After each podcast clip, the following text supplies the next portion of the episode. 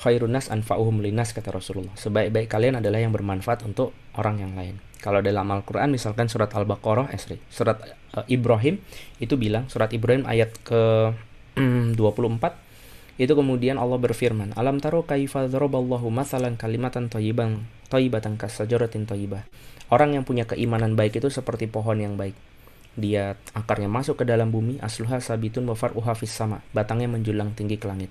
Kemudian ayat 25-nya Allah berfirman tu'ti ukulaha kulahin bi'izni rabbiha. Pohon yang baik itu orang yang punya keimanan yang baik itu akan selalu memberikan manfaat kepada siapa pun atas izin Allah Nah, dari sana kita tahu bahwa orang yang beriman, buahnya adalah manfaat yang selalu dia sebar. Jadi jangan sampai lupa bahwa skill yang mau kita upgrade itu harus kita niatkan untuk menjadi manfaat, khususan untuk agama kita. Lebih-lebih kemudian kita bisa manfaatkan untuk membantu keluarga kita, bangsa dan negara kita, agar kita bisa kemudian menjadikan itu ladang untuk mendapatkan pahala jariah yang pahalanya terus mengalir walaupun kita sudah tiada.